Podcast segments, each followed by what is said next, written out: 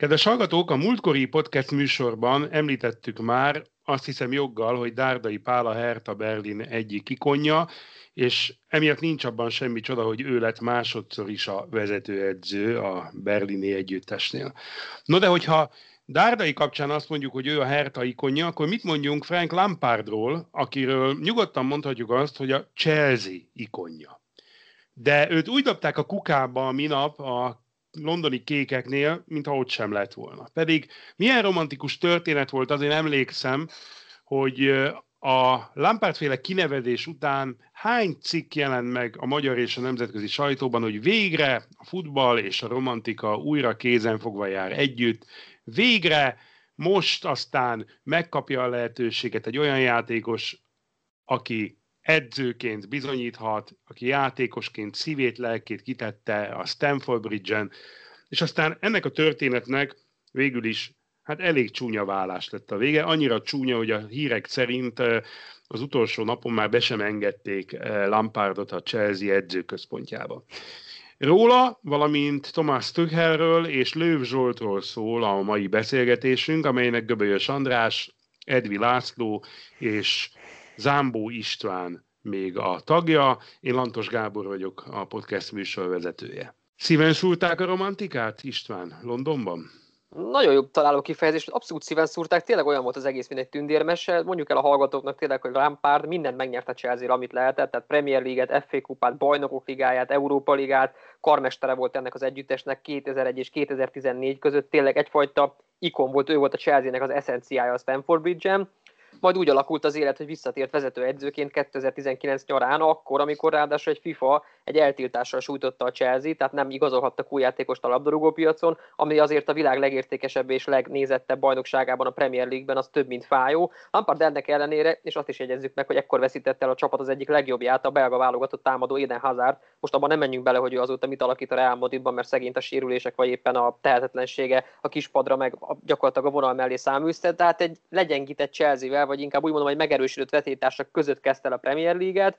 A Liverpool ugye torony magasan nyerte a bajnokságot, de a Chelsea bekormányozta a negyedik helyre, ami nagyon szép eredmény volt egy kezdőedzőtől, hiszen előtte ő nem nagyon volt komoly csapatnál. Mai napig ugye azt mondjuk, hogy még mindig csak 42 éves, tehát egy fiatal emberről van szó és a nyáron pedig kinyílt a, mondjuk ugye a pénztárcája Roman Abramovicsnak, ugye az orosz milliárdos üzletembernek, aki 2003 óta birtokolja a Chelsea-t. Több mint 224 millió fontot költöttek öt játékosra, ez fölfoghatatlan összeg. Én most itt kiszámoltam, az 89,6 milliárd forint, tehát abból a komplett NBA egy hosszú éveken keresztül vígan ellenne. Ehhez képest a Chelsea meg tudta venni belőle a Bayer Leverkusen egyik nagy tehetségét és a német bajnokság egyik legjobbját Kai Havertzet, az 71 millió font volt, de költöttek még majdnem 50 millió fontot Timo Werner egy csatára, szóval szépen megerősítette a keretet, majd jött az új évad, és egész egyszerűen a Chelsea, mintha csak kereste volna önmagát a pályán, tehát egészen elképesztő, hogy most is úgy, hogy már ugye egy mérkőzés óta nem ő volt a kispadon január végén, 20 mérkőzés alatt 30 megszerzett pont, hát ez több, mint méltatlan egy ilyen klubnál, ahol valóban minden évet úgy kell elkezdeni, hogy akkor bajnok lesz a csapat, mert megnyeri a bajnokok ligáját is. Én nem érzem úgy egyébként, hogy ez egy, egy rossz döntés lett volna, mert ez a Chelsea annak ellenére, hogy tavaly ezzel a fiatal csapattal megszerezte a bajnokok ligája helyezést. Attól ennek a csapatnak még nagyon komoly hullámvölgyei vannak, és, és elképesztő számú gólt kapott. Borzasztó volt a csapat védekezése. Ez az idei szezonban azért egy picit jobb lett, de, de nagyon-nagyon hullámzó volt a csapat, és, és azért szerintem ez, ez már egy jó ideje kirajzolódott, hogy Lampárdal nem tud szintet lépni ez a csapat. Igazából szerintem a probléma itt az volt, hogy Lampardot kinevezték. Nekem egyébként annyira nem szimpatikusak ezek a megoldások, hogy mondjuk egy csapat bajban van, és akkor mit csináljunk, nevezzük ki egy legendát, és akkor ezzel a szurkolóknak tudunk adni egy ilyen kis pici pluszt, meg egy kicsit be tudjuk fogni a szájukat, és akkor vagy bejön, vagy nem. Szóval igazából az AC Milánnál volt ilyen évekkel korábban, amikor borzasztó volt a csapat, és akkor ezek után hívták Inzágit, nem jött be, hívták Zédorfot, nem jött be. Leültették Gátúzót, az egy kicsit bejött, de ő se igazából, és most igazából egy ilyen teljesen ismeretlen edzővel, Piolival hasítanak. Szóval igazából szerintem Lampardot már ki se kellett volna nevezni csak azért, mert ő egy Chelsea legenda, azt szerintem ő, ő túl korán ugrotta meg ezt a lépést. Neki azért még egy három-négy év jót tett volna, hogy felépítse magát. Ugye ezt a német edző Tuchelt azért vitte el a Paris Saint-Germain, ezt mondjuk azért ki, hogy bajnokok ligáját nyerjen, azzal a költségvetéssel, azzal az investícióval, amibe ott beleszálltak a katari tulajdonosok. Ez végül nem sikerült, ugye egy BL döntőt tud fölmutatni, amelyet elvesztett a német rekordbajnok Bayern München ellen. De kicsoda ez a, ez a német ember, Laci? Tehát mit tudunk erről, hogy gyakorlatilag menesztik Párizsból, és néhány hét múlva már ott ül egy másik ilyen legendás csapat kispadján. Thomas Tuchel nagyban köszönheti a pályafutásának ilyetén való alakulását annak, hogy mindig Jürgen Kloppot követte. Klopp egy óriási legenda lett edzőként pillanatokat a német labdarúgásban, és Tuchel folyamatosan a nyomában járt, de nem volt olyan sikeres. Tuchel ugyebár nem volt jó futbalista, Klopp sem volt az, viszont Klopp utána viszonylag sikeres edző volt Mainzban, majd onnan elment Dortmundba. A Tuchel vette át a helyét, kicsit fiatalabb tőle, de hasonló szakmai hitvallása van, nagyon jó stratéga, jól tud edzéseket vezetni, még jól is tud talán meccselni, mármint Tuchel, és nem is volt sikertelenebb a mainz mint Klopp a, ugyanazzal a csapattal. Aztán Klopp sikeres volt a Dortmunddal, és oda vitték Klopp helyére, mikor onnan ő eljött, Tuhelt. Na most a Dortmunddal Tuhel nem tudott annyira sikeres lenni, bár német kupát nyert, bajnoki címet nem tudott, de Tuhelnek pekje volt, mert ő egy lényegesen komolyabb betétársat kapott abban az időben, amikor ő vezette a Dortmundot, mint annak idején Klopp, mert akkor a Bayern München nagyon a csúcson volt. Tehát amikor a vezette Tuchel a Dortmundot, a Bayern nagyon jó volt, és gyakorlatilag sérthetetlen és megközelíthetetlen volt. Tehát igazából ő nem tudott csodát tenni Dortmundban, de azt hiszem, hogy erről egy kicsikét talán az adott kor tehet. Utána ő elment a Paris Saint-Germainhez. Szerintem az, hogy a Paris saint nyert két bajnoki címet, ez kötelező, és hogy bejutott ugye a bajnokok ligája döntőjébe, ezzel ő abszolút megtette a magáét. Uli Hönes, annak a klubnak a volt elnöke, aki ugyebár legyőzte a Paris Saint-Germain tavaly a döntőben, tehát a Bayern Münchennek, azt mondta, hogy ki lehet tűzni egy edző elé a bajnoki címet, mert ugye 34 vagy 38 forduló alatt ki kell jönnie, hogy ki a jobb csapat. De sem a hazai kupagyőzelmet, sem a BL győzelmet nem lehet célként kitűzni, mert ott bármi történhet. Tehát 90 perc alatt, 180 perc alatt, 210 perc alatt bármi történhet. Tuhel nagyon közel volt ahhoz, hogy bajnokok ligáját nyerjen. Jó, kellett hozzá az, hogy a Paris saint talán története során először nem kegyetlenül nehéz sorsolást kapott, mert egyébként tegyük hozzá, hogy mindig brutális sorsolása van szerencsétlen PSG-nek, tavaly jó sorsolása volt. Tehát azért a Lisszaboni 8-as döntőben előbb az Atalantával játszott, utána a Leipzig-sel játszott, ezek verhető csapatok voltak, és tisztességgel helytált a Bayern Münchennel szemben a döntőben, akár meg is nyerhette volna. Tehát számon kérni Tuchelen azt, hogy nem nyerte meg a bajnokok ligáját, szerintem nem lehet. Meg kell veregetni a vállát, hogy sikerült még ha nagyon nagy költségvetésű csapattal is, de bejutni a döntőbe és ezüstérmet szerezni, és azt, hogy utána nem vezeti most jelenleg a Paris Saint-Germain 18 ponttal a bajnokságot, mint ahogy szokta, hát ez annak tudható be, hogy nem tudott normális felkészülést csinálni. Nekem ez örök mániám talán itt a podcastban is többször elmondtam több csapattal kapcsolatban, hogy miután nem tudott egy gárda felkészülni becsülettel július-augusztusban, hiszen augusztusban BL döntőt kellett vívnia,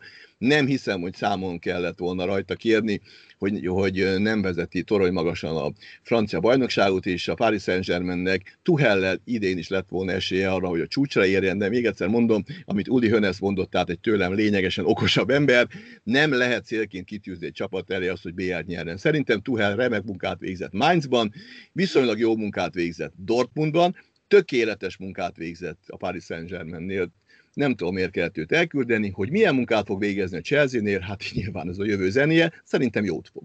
Azt jól látom, srácok, hogy Lőv Zsolt mostani szerepvállalását, mintha idehaza kisebb csinnadratta kísérte volna, mint akkor, amikor Tuhellel együtt leült a Párizs kispadjára. Miért van ez István szerinted?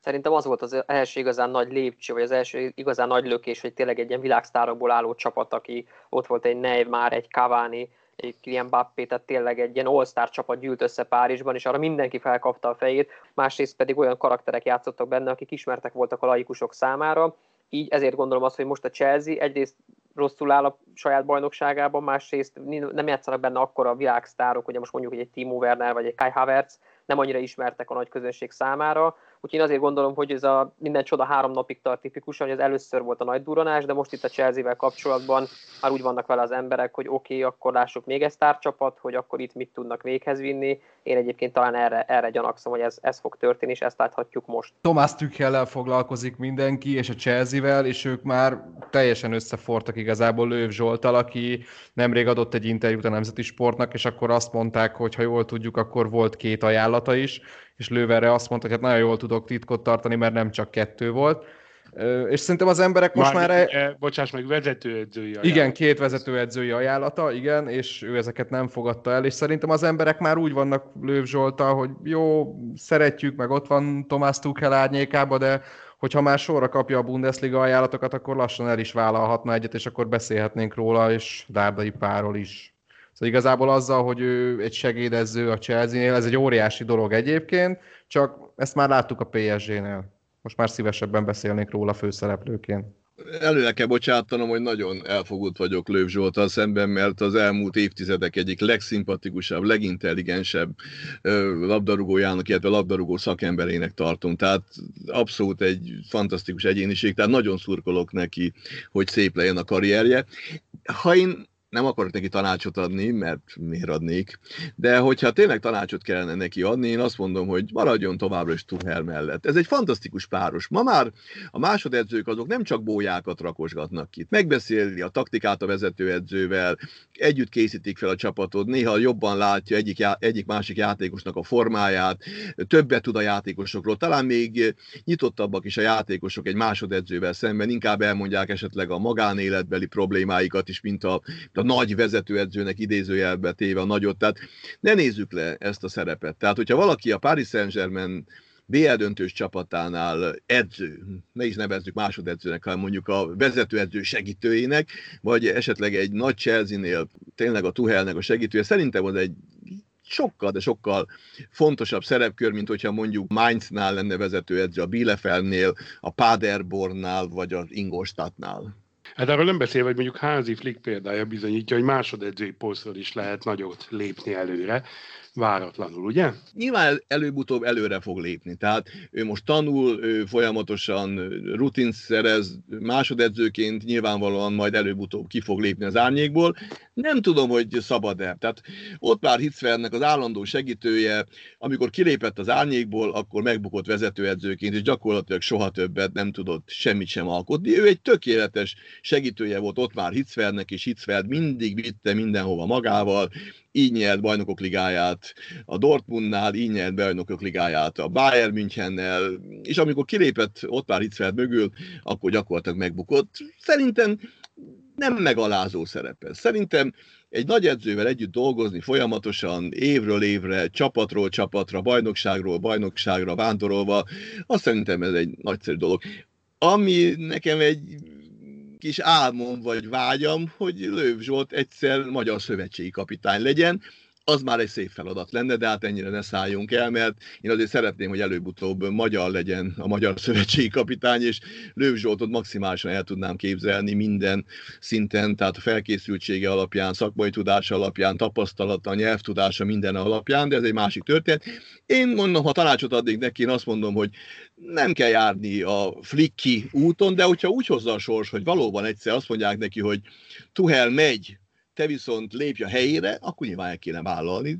András ingatta egy kicsit a fejét itt a szövetségi kapitánykodásnál, jól láttam? Ja, hát én nem, ezért van egy olyan módás, hogy Magyarországon a szövetségi kapitányi poszttal csak bukni lehet. Ez azért az utóbbi években már azért úgy kezd megdőlni. Úgyhogy csak úgy, úgy azért kezdtem el ingatni a fejemet, mert ez így hirtelen beugrott, és ne akarjunk már rosszat szegény Lőv Zsoltinak, de egyébként így a jelenlegi válogatottal akár el is lehetne képzelni. De Márko Rossi szerintem most jó helyen van, úgyhogy ezt a témát egyelőre nem kell bolygatni. És azt szerintetek nem volt reális, hogy amikor Tuhelt elküldték Párizsból, István, akkor Lőv Zsoltot kérjék meg, hogy folytassa? Pont ezen gondolkoztam, ugye még rendkívül fiatal, még csak 41 éves április végén lesz 42 Lőv Zsolt. Én nálam már korábban is elmondtam, hogy tényleg a tudatos és lépcsőről lépcsőre haladó karrierépítést látom, és ez biztos, hogy ezt ő is így gondolta valószínű, hogy egy PSG után, hogy nem ott úgy esetleg előlépni vezetőedzőnek, hogy követni a Tuselt, vagy Tuchelt, és most a Chelsea-nél még másodedzőként szintén tapasztalatokat gyűjteni egy másik top bajnokságban, ugye a, a League-ban után a Premier League-ben. Lehet, hogy ő neki megforult a fejében, ugye ezt tőle kéne megkérdezni, de én úgy gondolom a párizsiaknál talán az volt az elsődleges szempont, hogy úgymond biztosra akartak menni, és egy jól bevált sztáredzőhöz akartak nyúlni, hogy ezért választották a korábbi szintén BL döntős Pochettinót a helyére.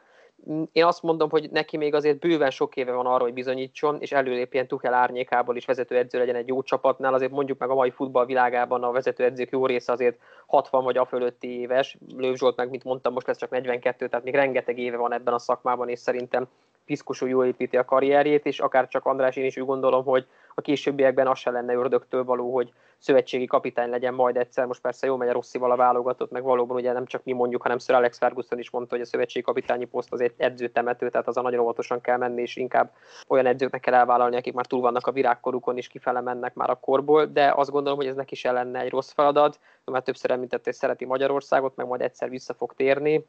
Gondolom, hogy ez nyilván a válogatott mellett lenne így a, szakmai rutinjából adódóan a, a legjobb pozíció, meg a legjobb lehetőség a számára, de hát ez, erre még bőven van ideje, mert az idő neki dolgozik. Szerintem nem fordult meg ez a PSG vezetőinek a fejében sem, és valószínűleg nem fordult meg Lőv Zsoltnak a fejében sem.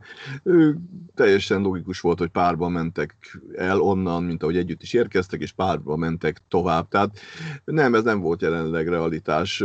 És mondom, nem tudom, hogy eljön-e az a pillanat, amikor azt fogják mondani, hogy Tuhel menjen, és akkor te lépjél a helyére, hogy akkor mit döntene, vagy egyáltalán eljön -e ez a pillanat. Nem, ez jelentek most még tényleg nem volt realitás. Az, hogy van még ideje, hát persze, hogy van ideje. Hát az edzői pályájának az elején tart, és nagyon-nagyon kevesen tudnak elmondani az edzői pályájuk elején ekkora sikereket, és hogy tényleg ilyen csapatoknál dolgozhattak. Úgyhogy, úgyhogy igen, tudatosan építi fel magát, ő egy abszolút szisztematikusan megy előre. Biztos vagyok benne, hogy önálló feladata is lesznek majd Lőv Zsoltnak. Meglátjuk tehát, hogy merre kanyarodik ennek a párosnak a pályafutása, hogy együtt folytatják-e, vagy külön, hogy nyugaton vagy keleten. Ez még kérdés, a műsor viszont most véget ért. Köszönöm szépen Zámbó Istvánnak, Köbölyös Andrásnak és Edvi Lászlónak a részvételt, a műsorvezető Lantos Gábor volt a Viszonthallásra.